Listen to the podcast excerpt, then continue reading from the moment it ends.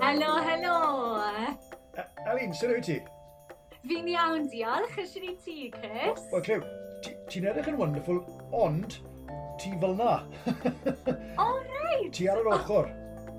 Reit, beth sy'n digwydd os na i droi, oedd yn ffôn i ar landscape, felly beth sy'n digwydd os na i droi e... Na fe, na fe, Ah, great. Oedd bach yn disconcerting sort of siarad ar y wema.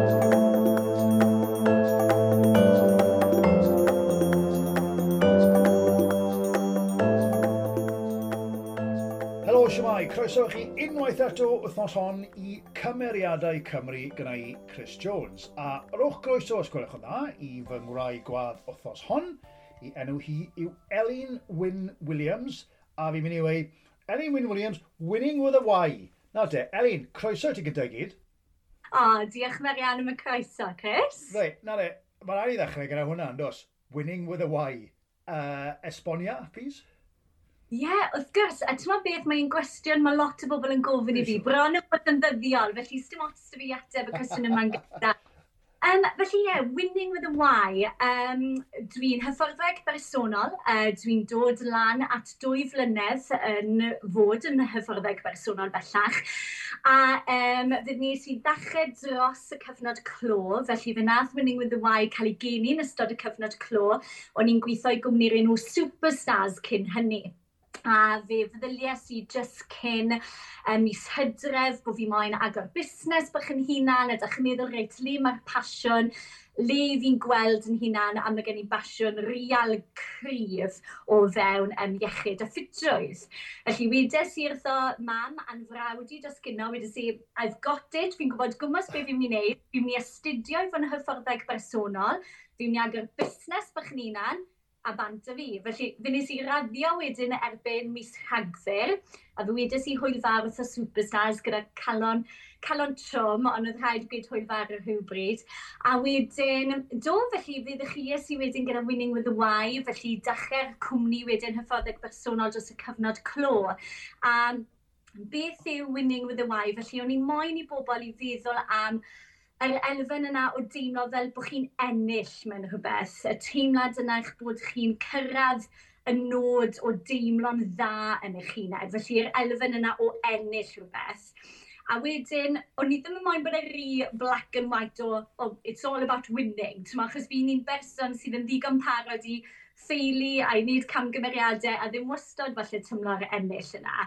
Felly, feddyliau sydd wedyn, o, oh, wel, well, beth mae yn biti de? Beth yw y neges i fi'n ceisio cyfleu i bobl?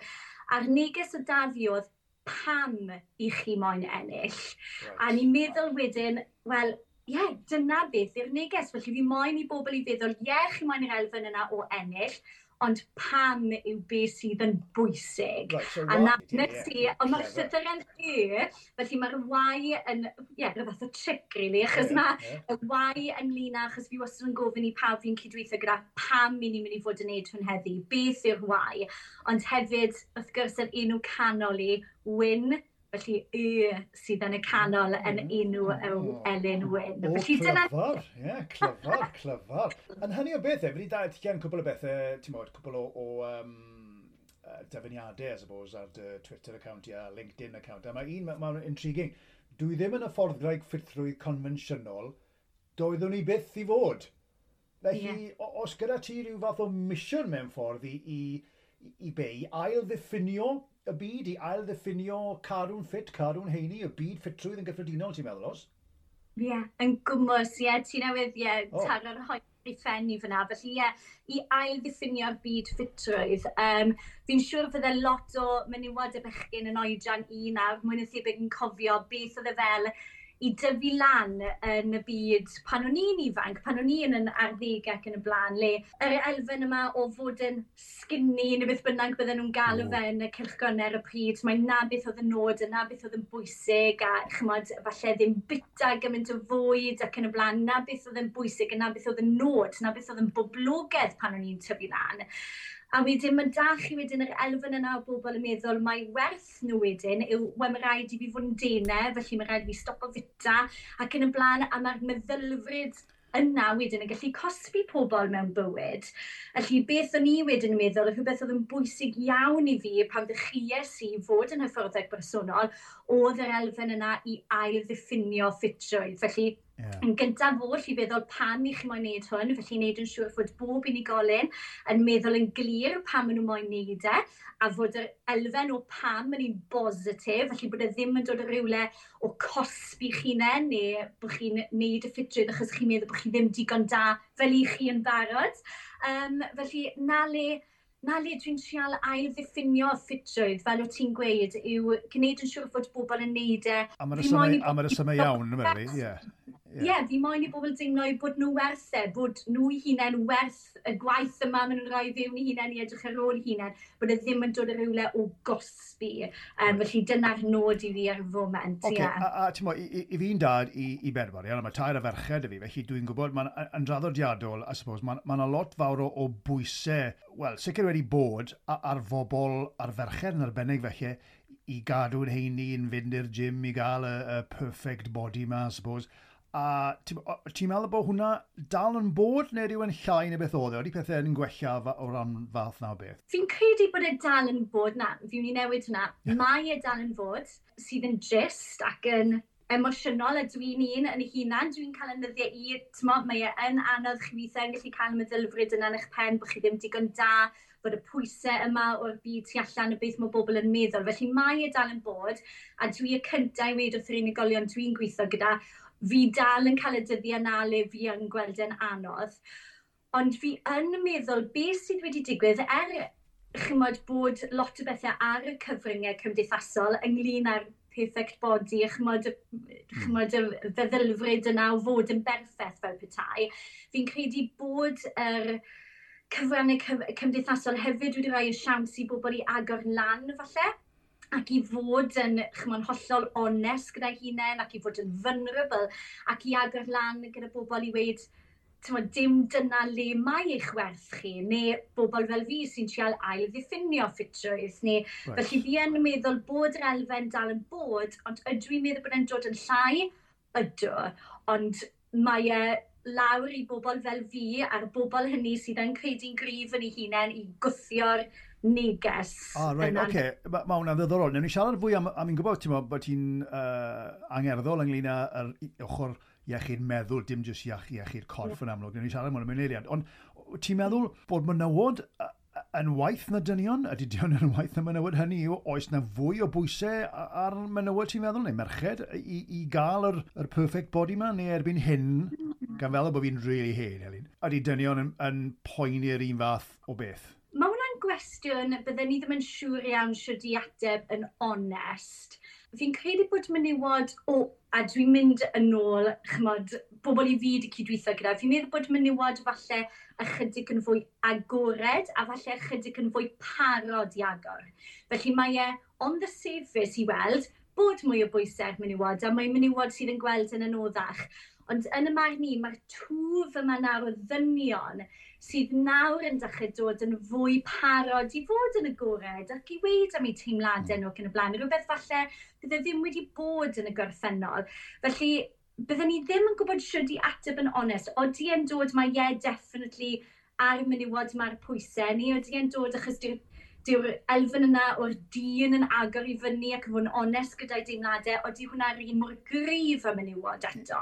Yeah. Um, bydden ni'n dwlu feddwl, tymo, petai, tymo, rhywun sydd yn agos i fi, ffrind sydd yn wr neu beth bynnag, fydde fe digon parod i fi wrth eisiau dydyn teimlo. Yeah. Um, Ond ie, yeah, on the surface mae e, weld mae okay. ar ochr mynd bod mae e, ond a ydy yn gwestiwn ydy dynion yr un mor parod i fod mor agored, yeah. mae'n gwestiwn arall. Wel, well, i fi'n yeah. gwybod o, o, o personal experience, mae'r ma dynion yn... Mae nhw'n gyndyn iawn o agor fyny. Mae nhw'n lwco siarad mm. am i bits nhw, you know. A mae ddim yn lwco siarad am, am pethau yn, yn, yn, y meddwl. Take it from me. Be, Am i bits. Seriously, mae hwnna'n wir. Unrhyw sgwrs di moyn am dy bits. Na, fi wedi siarad digon efo bitchy dros y blynyddoedd coelon i fi. Oes na, os, os na berig fe felly bod bobl yn dod yn, yn beth yw'r gair gwir? Os na, bobl, os na berig fe bobl yn dod yn obsessed ynglyn â mynd i'r gym, neu rhedeg, neu codi pwysau, neu ti'n mwyn, mae'n mynd i spin classes yma. Fi'n nabod bobl sy'n llythrenol yn rhedeg bob dydd o'i bywyd nhw. Fi'n nabod bobl sy'n neud y spin classes yma llythrenol bob dydd.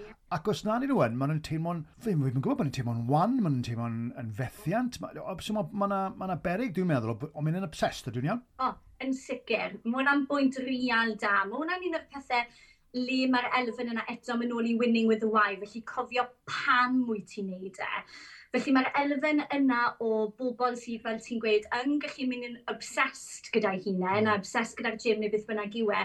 Ti'n meddwl, naw allan o ddeg, pan fi yn gael sgwrs gyda'r bobl hynny, a fi'n dechrau gofyn i nhw to, pam, ble mae'r elfen ma'n dod o, a maen nhw yn barod wedi colli beth oedd eu prif pam nhw yn y lle cyntaf. Nawr mae fe o, oh, wel, byddai'n teimlo bod fi wedi ffeili os na yeah. byddai'n mynd, yeah. neu byddai'n teimlo bod fi ddim digon da, neu bod fi wedi um, fall off the bandwagon ac yn y blaen. A fi'n gweud, wel, hold on, fan hyn mae eisiau saib arno ni, mae eisiau ni ail feddwl eto, pam i mynd i'r gym, a, neu pam wyt ti'n edrych ar ôl iechyd ac yn y blaen. Felly mae'r elfen yna gallu mynd yn obsessed, ti'n modd, completely the other side of the bandwagon, basically.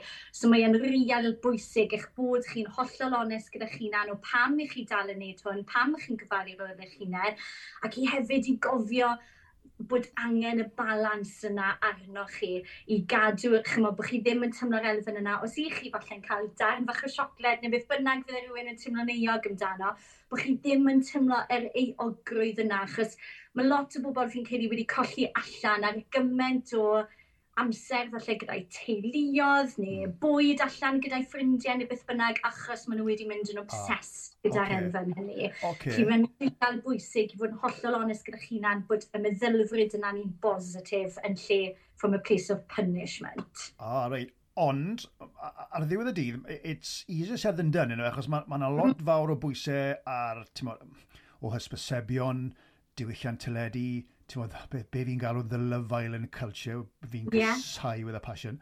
Mae ma, ma, ma na, ti'n ma, dyw pethau fel na ddim yn helpu, yw e? Na, dyw e ddim yn helpu. A fi'n dwi'n holl honest mewn, Chris, am y massive lover of Love Island. Oh. Dwli arno fe, oh. ffili ar... o, oh, newn ni orffen y podlediad, mae'n reit nawr, Elin. na, na, go on. Na, fi'n lyfo Love Island. So, na, um, fi yn deall, mae'r yeah, mae'r elfen yna o pethau chi'n gweld yn y cylchgronau neu ar Instagram neu Love Island, odi. Um, ond hefyd mae rhaid i chi gofio rhywbeth fi wastad yn gweithio pobl sydd yn y lle obsession na, mwy na thebyg beth sy'n digwydd yw, maen nhw'n cymharu hunain i bobl eraill. Oh. Fel y bobl un sydd ar Love Island, fel y bobl un sydd ar Instagram. Mae'n rhaid i chi gofio, ti'n modd, sa'n gwaith i fi ddre'r llun lan ar Instagram o'i rhoi ffilter yn o beth bynnag. Meddwn ni'n beth be ti'n neud ma? Ti'n modd, ti'n digon i da heb y ffilter yna. A'r un peth ar Love Island. Felly fi'n meddwl bod peth da i pethau fel Love Island a cyfryngau cymdeithasol i godi ymwybyddiaeth, i gadw'n ffit, i gadw'n heini, i deimlo'n dda am eich hunain, ond hefyd i gofio i beidio cymharu eich hunain i'r bobl hynny neu beth chi'n gweld yeah, um, ar y llwyfannau yeah, hynny. ma, ma nhw'n gweud yn glantaf, weithiau mae fe'n rhy gormod.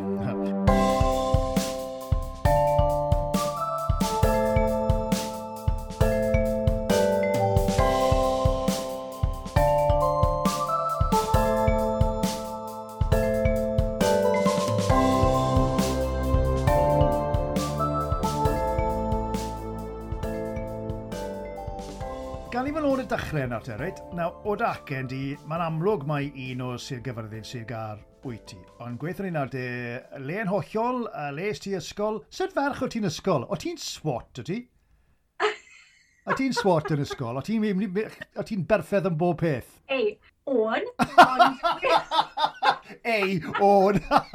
Rhaid, agor, e, dechrau, dechrau. Le, un o lle yw ti'n dreiddiol gyda'i gyd? Felly, yn reiddo fyny swed o Sir Gar, um, reiddiol wedyn o San Clair, um, felly jyst allan, allan tu allan i Gyferddin.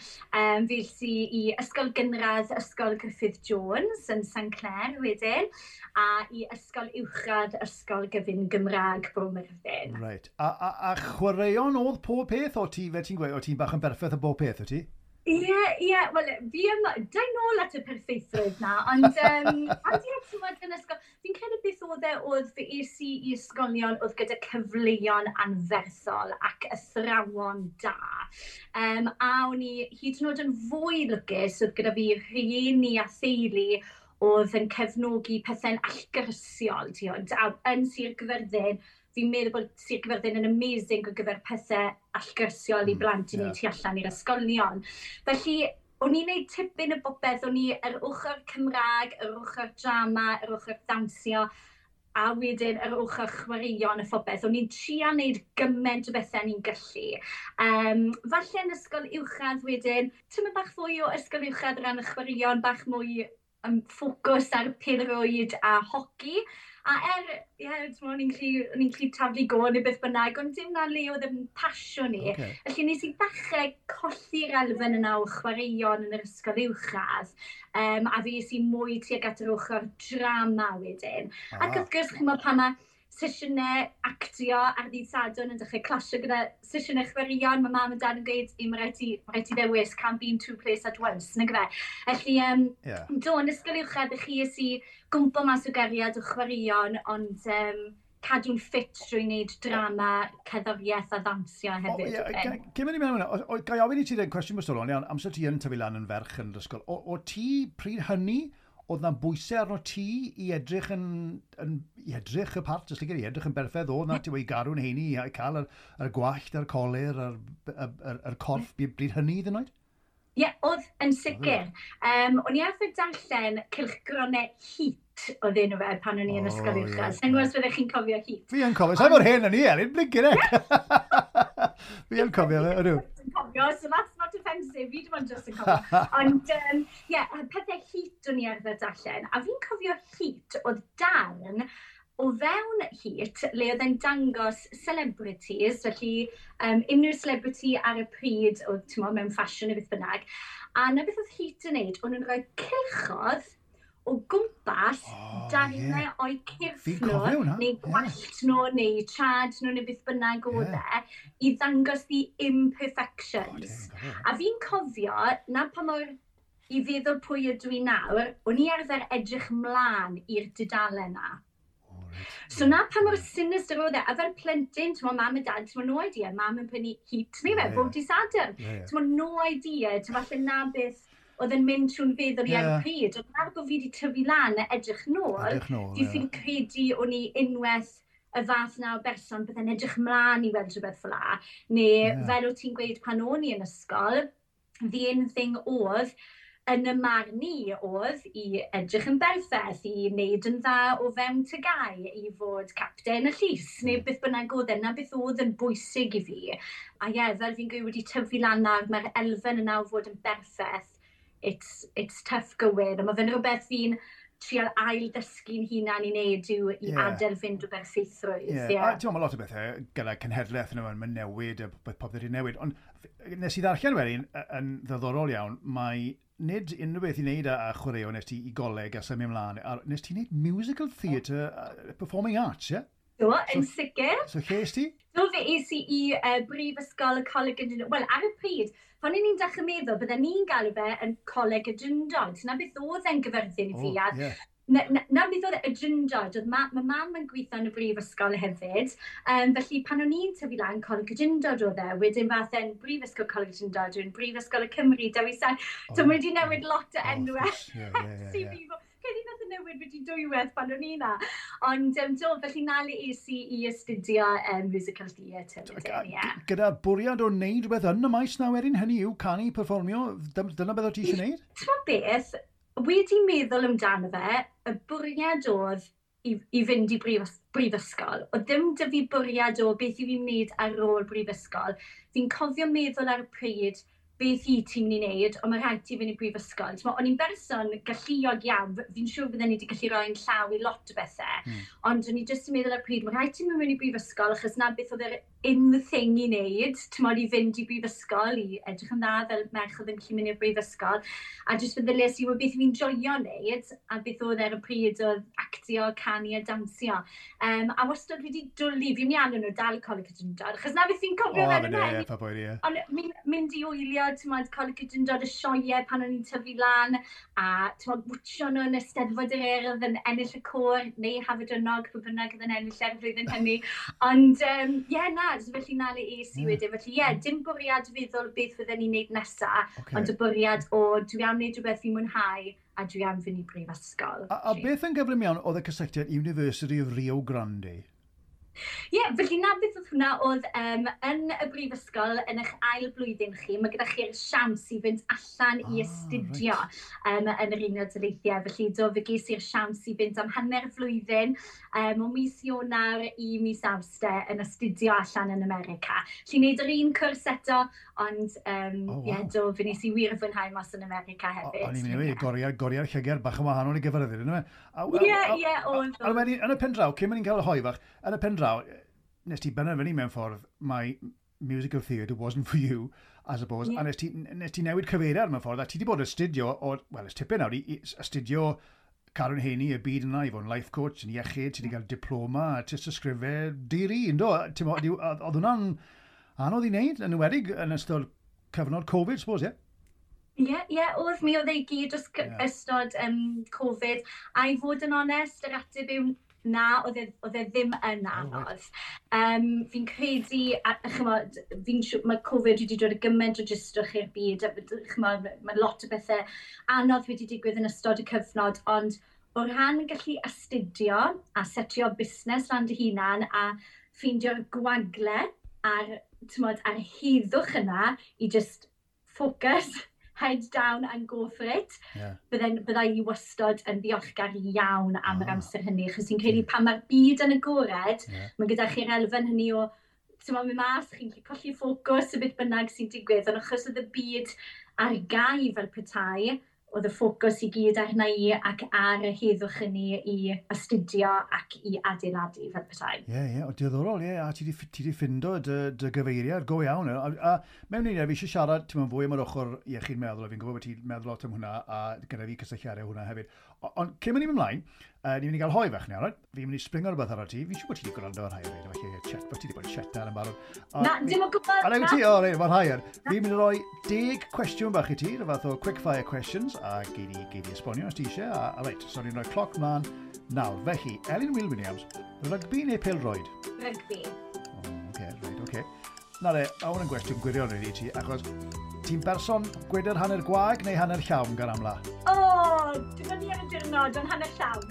o, o, oh, na ti, o'n i'n meddwl bydde ti cant, y cant na, hanner llawn. Na, a ti di ofyn i'n sbon ar ei o na, fi'n ti gael dyddi hanner gwag. Fi'n siŵr bod. Fi'n ti gael munud te hanner gwag.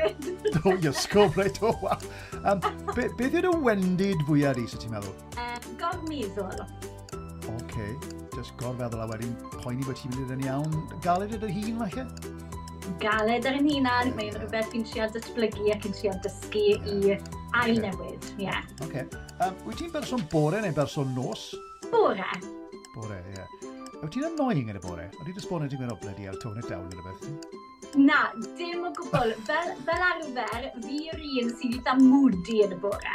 A um, fi wedi bod yn trial astudio mewn i fe edrych at beth sy'n digwydd y hormones yn y bore, a'r pethau mae i gyd i trial ddeall I Ife jyst fi sydd yn moody cow. Right.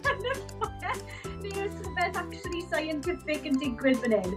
Felly wrth i fi astudio ac i edrych mewn i'r corff yn bellach, fi wedi trial ffind y rwtîn bach fydd yn helpu fi, a nawr fi'n berson lyflu fod o gwmpas yn y bore. Take your word for it. Ah, oh, yes, go. Uh, OK, okay. eisiau mynd man. Cwn neu cathod? Cwn. Na, Na re. Pwy oedd the childhood crush cyntaf di? Ww! O, oh, dear me, childhood crush fi'n siarad meddwl nawr. A mae rhai, person, mm. mae rhai bobl yn gweud, uh, rhywun, ti'n bod, o adre, neu mae rhai bobl yn gweud, rhywun enwog. So... Ie, yeah, fi'n siarad meddwl. Fi'n credu bydden ni falle'n gweud Gareth Gates. Gareth Gates, o oh, waw, oce. Okay. Gareth Gates, yn yeah, top finder, yn canu. Ie, un o'r rai cyntaf oed, yma, ie, ie. Gareth Gates a Will Young yn amser na, ynddo? Na ti, na ti, a fi ddim yn Gareth Gates, mae'n rhywbeth. Alright, um, na de, pryd oedd y tro diwetha nes ti ddawnsio? O, fe nes i ddawnsio, is i adre dros y penwthnos. A um, fi i weld yn ffrind, hi, uh, yn ffrind a'i sboner. A fi yn sboner ddim yn mynd nôl i gyfyrddin yn mynd mas yn aml. Fe awn i nôl i gyfyrddin i weld yn tyliodd ni. Right. Ond dyn ni ddim yn mynd mas yn aml. Ond nos adr, ar ôl y rygbi, we went out. A fe nes i ddawnsio. Wel, blynydde yn ôl, oedd noson mas yn gyfyrddin yn, yn brofiad ac yn rhemp, os fi'n cofio'n iawn. Right. Fi dan yn brofiad, ond fi just lot yn hun, y gyd. O, wel, ie, ie. So brofiad bach yn wahanol, felly, ie. um, beth am gwledydd oer neu gwledydd poeth? Gwledydd poeth. Right. Wyt ti'n licio cerdded ar draeth neu cerdded ar y mynyddoedd? Mynyddoedd, sa'n un am sand. o, ti ddim yn y beth, o, ti... Ti'n meddwl, mae dy bobl sy'n gweud na, sa'n un am Sam. Le mi'n lyco Sam rhwng ei coetiw. O, yn sori bod yn y trad, yn mes bob man, ond uh, na fi yn i gerdded y mynyddoedd. Mae'n yn o'n i ddim, um, ond mae'n sboner i dem, mae'n i a'i deulu fe mewn i fynydda, okay. mynd i gerdded fan hyn y fagw, felly, mm. ond o, wedi wir ydych yn mwynhau yr diddordeb hynny. Da, da, da, rei. A cwestiwn ola, a mae hwn yn bersonol iawn. Wyt ti rioed wedi dwgyd yn rhywbeth? Wedi dwy'n yn rhywbeth? Ww! Trwy beth, fi newydd gael neges wrth y mam gynne, fi wedi dwy'n ola clex di, which yw serum i ti'n rhoi yn dy wallt. dwyn e. Ond na fe, so na peth bethau nes i ddwyn. So, fe dad yn gweithio ti bod fi'n dwyn lot o bethau o gytre, fel, ti'n modd, fel dishwasher tablet, sydyn ni mae'r bag, tymod, bach yn llai, neu sydyn ni, tymod, mae pot o halen wedi mynd o'r cwbwrdd, neu olive oil yn wedi cael ei mynd gytre. Pot o halen? Wel, driad y dydal yn y fan, maen nhw'n mynd i cael bryd o fwyd o, le mae'r halen bach? O, sa'i mo, mae Elin wedi mynd i fadre. Just go, dan fel o ffordeg bersonol, fi'n siarad edrych i wedi iechyd. E? Wel, ie, na, oce, ie, digon teg, digon teg. Wel, da iawn, diolch am yr atebio yna, mae nhw yn adrodd cyfrolau. O, reit, gael i sef ymlaen, ti'n mwyn, um, mae iechyd meddwl wedi dod yn the thing erbyn hyn, yma, ti'n mwyn, dros y blynyddoedd diwethaf yna, mae pawb yn siarad o fe, mae wedi dod i'r meddwl uh, anrightly so. Ond, on, pa mor gryf yw'r cysylltiad felly rhwng iechyd corfforol, a iechyd meddwl. Mae'n mae gwestiwn digon gwirion falle, ond ti'n mo, mae'n amlwg fod yna gysylltiad nos bod rhwng yr ochr gorfforol a'r ochr meddwl gyda diet, gyda caron heini, gyda awyr iach, ti'n mo, gwydad rhan llaw, mae'n gweud yn gynnalach, caron positif. Mae'r ma, ma, ma ddau yn plethu, ond mae bobl fel sy'n nhw ddim quite wedi sylweddoli na eto, unrhyw really. Ydy na, mae hwnna'n bwynt teg iawn i wneud. Fi'n credu bod yr ochr pethau yn siarad am beth i pethau'n emosiynol ac yn feddyliol. Fi'n credu bod e'n eitha newydd i'r byd. Byddai ni'n gweud. Um, a chymod, mae'r fath yna o sgwrs i chi'n gael gyda pobl. Weithiau, dyn nhw ddim wedi gael y fath yna o sgwrs o'r blaen. Felly, yn y marn ni, gyda'r bobl sydd yn ynghylch i de, mae'r ochr emosiynol a feddyliol yn rhywbeth newydd i bobl i sôn am. Felly, fi'n credu bod yr elfen hynny o edrych ar ôl eich hunain yn gorfforol, mae hwnna wedi bod o gwmpas yn blynydde maith, a dwi'n hapus iawn dan hwnna. Ond fel nes dweud, mae'r elfen hynny bod yn gysylltiedig, a fi'n meddwl yn hollol gysylltiedig gyda'r elfen emosiynol a feddyliol, cant a chant. Um, ond ie, yeah, mae angen y neges hynny gael ei lledeini ychydig ymellach. Oce, okay, gweithio fi, be, beth yw'r cysylltiad yn? Hynny yw, be, beth mae'r ddau uh, yn neud gyda'i gilydd? Hynny yw, sut mae cadw'n Iach yn gorfforol yn helpu carwn iach yn feddyliol, yn vice versa. Siw, siw, beth yw'r cysylltiad? Ie, yeah. y, y, cysyll, y cysylltiad yw, yw yr elfen yna o gofalu ar ôl eich hunan. Felly, mae yna lot o bobl sydd yn gofalu mi hunain yn gorfforol. Chi'n cael y fath na o syniadau o hunan werth um, bod chi yn gallu ymddiried yn eich hunain, yr elfen hynny o pa mor gryf ydych chi, yr elfen hynny o fel i chi yn gallu gwthio eich hunain mewn bywyd, yr elfen hynny o hyder sydd yn gallu cael ei adeiladu. Felly tra bod chi yn y gymffach, chi'n gallu cael y fath yna o elfennau i gyd mewn un awr. A beth byddwn ni wastad yn gweud wrth yn client i wedyn yw, reit, wel, mae hwnna'r un peth yn feddyliol nawr. Felly tro nesaf ti'n cael yr elfen hynny o yn feddyliol, dwi ti ddim yn tymlo'n hyderus, cofio'r hyder na nes ti deimlo yn y gymffath nos diwetha? Neu tro nesau ti'n teimlo bod ti ddim digon cryf i wneud rhywbeth yn feddyliol? Cofio'r cyfder nes ti ddangos yn y gymffath nos diwetha? Neu tymod, yr elfeniad, felly mae'n hollol gysylltiedig gyda'i gilydd. Felly y sgiliau na i ti'n adeiladu yn gorfforol, fi'n gweud implement it mentally. Ond hefyd mae'r elfen hynny hefyd o chymod y clirdeb yna i chi'n teimlo yn, o ran yr hormones a pethau. Felly, scientifically a black and white, chymryd yr elfennau hynny o yr hormones da i chi'n teimlo ar ôl i chi wneud unrhyw fath o ymarfer corff. Sy'n rhaid bod e'n ei gymffa, hyn os chi'n clynhau y tîm o hwnna'n ymarfer corff. Yr elfen yna o'r endorphins yn pwmpo'ch gwmpas eich corff chi, mae yn gysylltiedig wedyn gyda'r clirdeb i chi'n teimlo yn eich ymenydd chi. Felly mewn tro wedyn, chi'n teimlo lot yn fwy glir a lot yn fwy in control o'ch hunan mewn, um, mewn ffordd. Right. Yeah a, a beth, am, beth am diet wedyn? Beth am, uh, ti'n rhoi pethau ti'n rhoi yn dy golf yn amlwg yn mynd i mm-hmm. effeithio ti down the road. Oeddi bobl yn dod ato ti gan fwyaf i sorto'n nhw allan yn gorfforol neu, neu sorto'n nhw allan yn feddyliol? I fod yn onest gyda chi, bydden ni'n gweud yn gorfforol. Yeah. Maen nhw gyd yn dod atai yn gorfforol a maen nhw gyd yn fynywod um, o'r belled. A mae bob oh. un ohonyn nhw, pan fi'n dod i adnabod yn yr wythnos cyntaf, mae bob un ohonyn nhw bydden ni'n gweud yn delio gyda rhywbeth yn feddyliol. Falle ddim yn gwybod i bod nhw yn, ond maen nhw. A wedyn fel mae'r wythnosau yn mynd mlaen, mae y mor twy'n galon y mor hyfryd i weld bod yr elfen feddyliol ac emosiynol nawr yn dechrau plethu mewn yr un mor bwysig a beth yw'r elfen corfforol i nhw. Felly, fi'n credu maen nhw definitely yn dod atau, achos maen nhw'n moyn y cyngor hynny yn gorfforol, ond mae e'n troi allan yn y diwedd bod yr elfen emosiynol a feddyliol yr un mor bwysig i nhw. Yeah. Ond yn lle tymod, um, controlo nhw mewn ffordd, fi jyst yn trial arwain y ffordd, a maen nhw yn, yn eu hunain wedyn ar y tywydd ar ben eu hunain. Oh, mae ma, ma fel rhywbeth o therapi mewn ffordd, ynddi?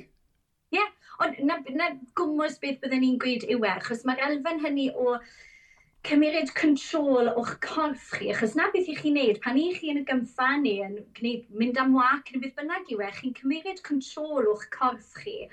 A wedyn mewn tro wedyn, mae hwnna wedyn yn cymryd control o'ch, right, beth, beth mae'r meddwl yn gweud beth y corff yn neud, so that's controlled.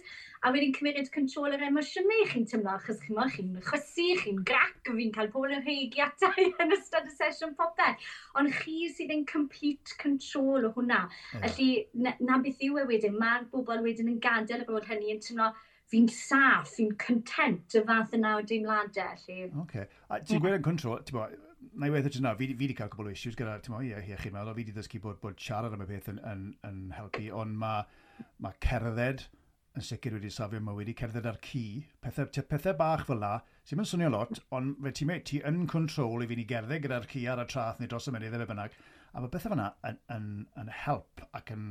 Mae'n amlwg, ond eto gyd, mae angen bobl fel ti a, a ti'n meddwl, mae'n gyfrifoldebau, dwi'n meddwl, ar llywodraeth falle, a cyfryngau, a rhieni, really, teuluoedd, ti'n modd, i driol instill that in you, i, sy'n rhaid ti gael yr, yr perfect body yma yn ôl unwaith eto. A, a mae'n ddiddorol beth ti'n gweud, mae'n merched sy'n dod at ti fwyaf.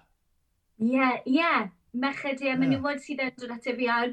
Y pwynt cyn mwyn ni'n symud mlaen o hwnna, beth ti'n newid ddweud am cerdded y cu a mynd ymlaen ac i gael yr awyr iach mm. hynny. Rhywbeth i fi os yn gweud wrth y client yw, falle dim yr elfen hynny o control, ond yr elfen hynny o ymddiried yn eich hunain. Felly trust yourself yw e. Felly fi wastad yn gweud wrth yn client si, os i chi wneud rhyw fath o commitment, felly gweud ar bod fi'n hyfforddeg bersonol i ti, nos fawrth am saith o'r gloch, mae sesiwn dy fi a ti e. Felly ti wneud y commitment hynny i droi fyny i dy hunan am saith o'r gloch bob nos fawrth. Y mwyau ti'n wneud hwnna, drosodd a drosodd a drosodd, ti'n adeiladu yr habit yna o fi'n gallu ymddiried yn ein hunan. Oh, right, I okay. will show up, I yeah. will turn up. Yeah. A wedyn, in turn, beth sy'n digwydd yw, ti fel person a fel dy hunan yn tymlo, ie, yeah, fi'n berson, fi'n gallu ymddiried yn do. A wedyn mae'n amdano wedyn cael habit newydd wedyn. Os ydy amdano um, mynd yma gyda'r ci, reit, fi'n mynd i cymito bod fi'n mynd ar ci ymwag amser hyn, hyn, hyn, hyn, hyn, wythnos yma, a'r mwyau ti'n troi fyny i wneud hwnna drosodd a drosodd, ti'n adeiladu'r elfen o ymddyriad yn dy hunan. Felly, o'n i jyst mae'n neud y pwynt yna. Na, da, y pwynt teg.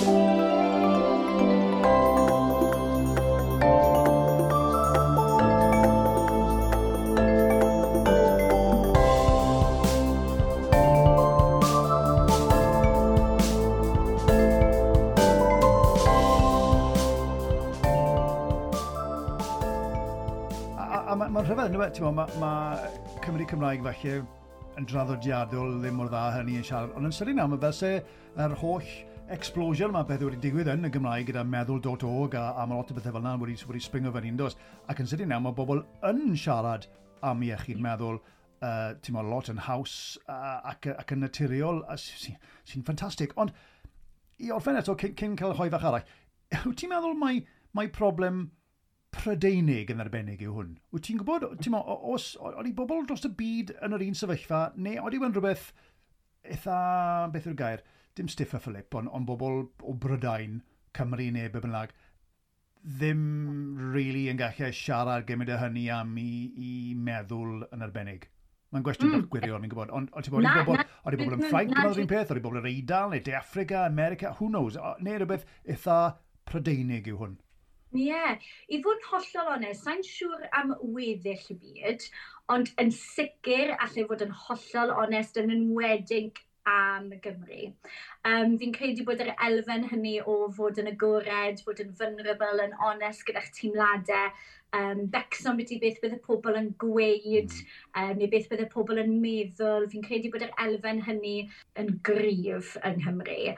A gyda mwy a mwy o bobl fel yw ti'n neud ar y podlediadau, a'r bobl sydd ar Instagram, neu beth bynnag, popeth sy'n ymlaen yng Nghymru na, fi'n credu bod angen i ni greu y twf yna o bobl sydd yn dangos i bobl yng Nghymru gyndwch, mae e'n oce, okay, jyst siaradwch yn glir, siaradwch yn, yn wir yeah. i'ch hunain am y popeth yn mynd i fod yn oce. Okay. Felly, dwi'n mynd siŵr am weddill y byd, ond yn sicr mae'n rhywbeth newydd um, sydd angen lot o ddatblygiad yng Nghymru, fydden ni'n gweud. Yeah, Mae'n mae gred bod Cymru Cymraeg yn, yn syni nawr wedi gweld bo, fo na, fo na fydd iddo fe, a pob parch i pethau fel meddwl dot meddwl.org a, a fath na. Oh, amazing. A, mae'n gred. Yeah. A pob, pob parch i, i i bobl fel ti sy'n sort of codi ymwybyddiaeth y fath na beth. Reit, Cyn mynd i orffen, fi'n mynd i sbyngo rhywbeth barach arall i ti. Ti'n mynd i gael quiz bach nawr, right? ti'n mynd i gael quiz bach.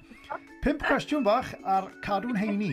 Maen nhw'n ma nhw really random, okay? Maen nhw'n really, really random. Ond fi wedi dysgu cwbl o bethau, right. Right, so, cwestiwn un. Nawr te, yn ôl fy ymchwili, Elin, mae cerdded am dwy awr a hanner yr wythnos yn lleihau y risg o be gymaint a 60%. Ww! Ti'n gweud na lot. So, mae cerdded am dwy awr a hanner yr wythnos yn lleihau y risg o be.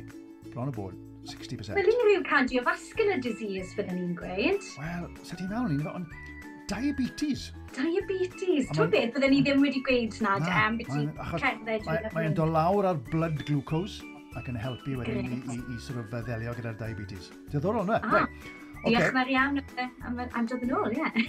Wel, iwch, Pwy yw Diwies Ffitrwydd? Fitness Goddess. Fi! Heblaw ti! Na, ni'n siarad nôl yn yr oes, ti'n bod, uh, yr oes a fi bethau. Fi siarad wow. Greek, Rome, Roman goddesses, na? Na? Ond ddim yn ymwybodol o ni'n ei gael, ond fi'n credu bod yn Na, na roi dewis i ti, achos mae yna gods a goddesses i bob peth. Um. Na roi dewis i ti. Olympia, Hygiea, neu Panacea?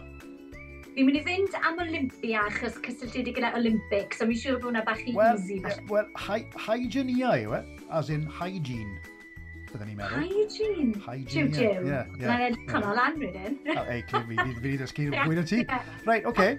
Uh, Wel, ti'n dda so far. Fi'n ymwybodol. Na, mae hwn yn rhwy, mae hwn yn rhwy. Sawl okay. awr o gwsg sy'n ddelfrydol i gadw'n iach yn gorfforol ac ymeddyliol? Wel, ah. nes i rhaid o'r podcast newydd ddoe gyda um, Dr Shatan Pandaw yn fe. Oh. Nawr mae fe'n gweud, fydde lot o bobl yn gweud 8 awr, right. ond oedd fe yn gweud 8 awr yn y gwely, 7 awr o gwsg. Felly fi o'n ar mlaen yn mynd am 7 awr o gwsg, 8 awr yn y gwely. Na ti na'r na, na, na ateb fi, ie, ateb da. Ie, da iawn, da iawn, da iawn. Oce, okay. pa hyfforddwr ffitrwydd, en, ffitrwydd enwog sy'n dal y record am y mwyaf o wylwyr yn ystod sesiwn ffitrwydd byw ar YouTube? Joe Wicks, fydden ni'n gweud. Ie, yeah, wrth gwrs. Ac wrth gwrs, mae'n ath e'n, wel, fi'n enwog yn ystod y cyfnodau clod yma sy'n anhygoel. A wedyn, yeah. y, y cwestiwn ola, wyt ti'n gwybod pa fwyd sy'n cael ei weld fel y bwyd hapusaf, the happiest food? Na i roi dewis i ti. OK. Mango, Ooh. pwmpen, oh. mel, oh. neu blueberries? O, achos yr antioxidants, fydden ni'n gweud blueberries, um, achos mae fe fod yn dda ar hanner elfen okay, hynny. Oce, ti'n iawn. Chi'n mynd blueberries, ie. Oce, okay, wel, fi'n bythal lot o blueberries, ond y y rhif tri yw blueberries yn ôl yr archwiliad dwi wedi cael yn 2019. Wow! Mel yw'r cyntaf, achos mae lot o anti-inflammatories a pob fath o bethau yn dos yn mel, mel naturiol. Wedyn olive oil,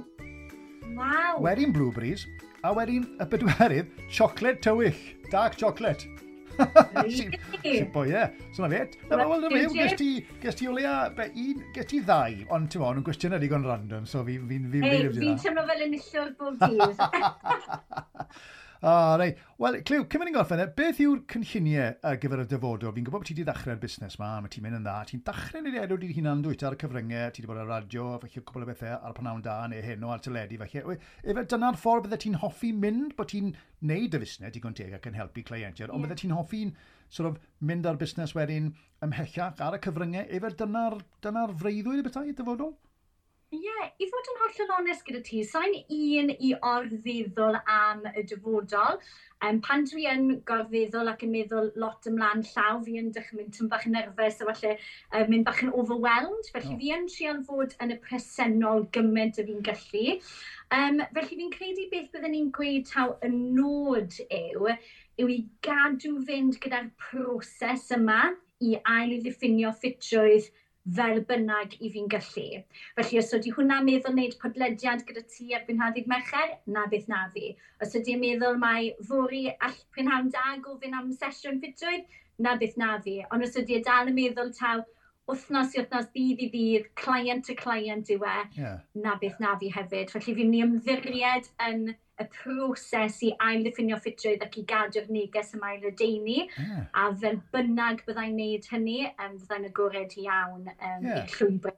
Well, whatever happens, happens. Ond ti'n meddwl be, mae'n rhaid i weithio ti'n anodd, fi wedi bod o'n blynyddoedd mawr, mae yna ma, sicr le i rywun fel ti, ti'n amlwg yn ti'n edrych yn ffantastig, ti'n swnio'n ffantastig, mae'r Gymraeg di'n berffaith, mae'r ma, ma, ma holl bethau yma, mae'n sicr lle ti, so just go for it, blinkin ec. Os nag os bobl yn oh, gofyn fwy a fwy i ti, mae'n offi off penne. Sut mae bobl yn cysylltu â ti, neu, neu cael gafel yn ti? Dim ond ar y cyfryngau cymdeithasol wyt ti, neu ti, os ti safle we hefyd? A gallwn nhw weiddi yn uchel, mwyn helpu fe.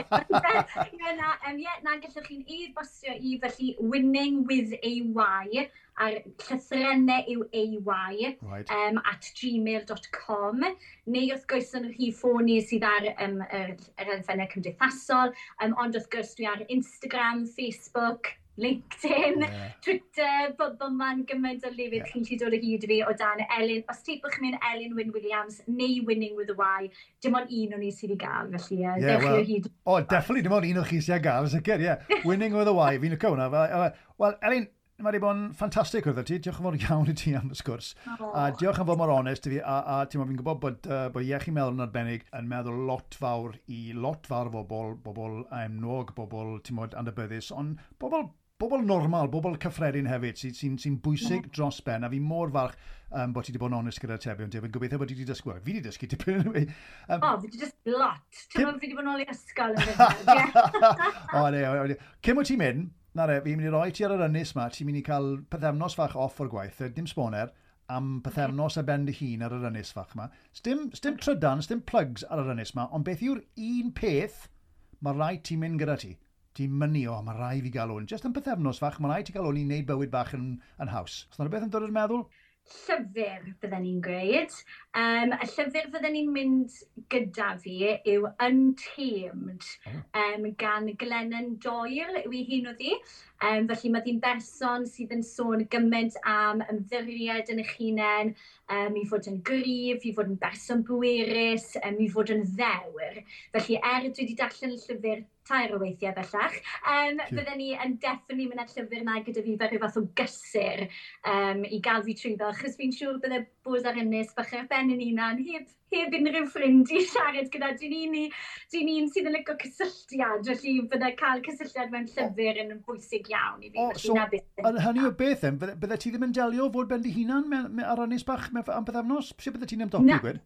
Tro be, fi'n credu bydden ni'n absolutely amazing, ond... O, wrth gwrs! Fi meddwl bydde ti'n amazing hefyd. Dyn ni sydyn ni troi mewn i ninja, bydde ni'n lli delio gyda popeth. Ond, um, na, ond dwi'n un, fel un o'n core values i, uh, dwi'n un le cysylltiad, felly connection a belonging, felly perthyn i rhywbeth, maen nhw'n ddwy elfen sydd yn bwysig iawn i fi.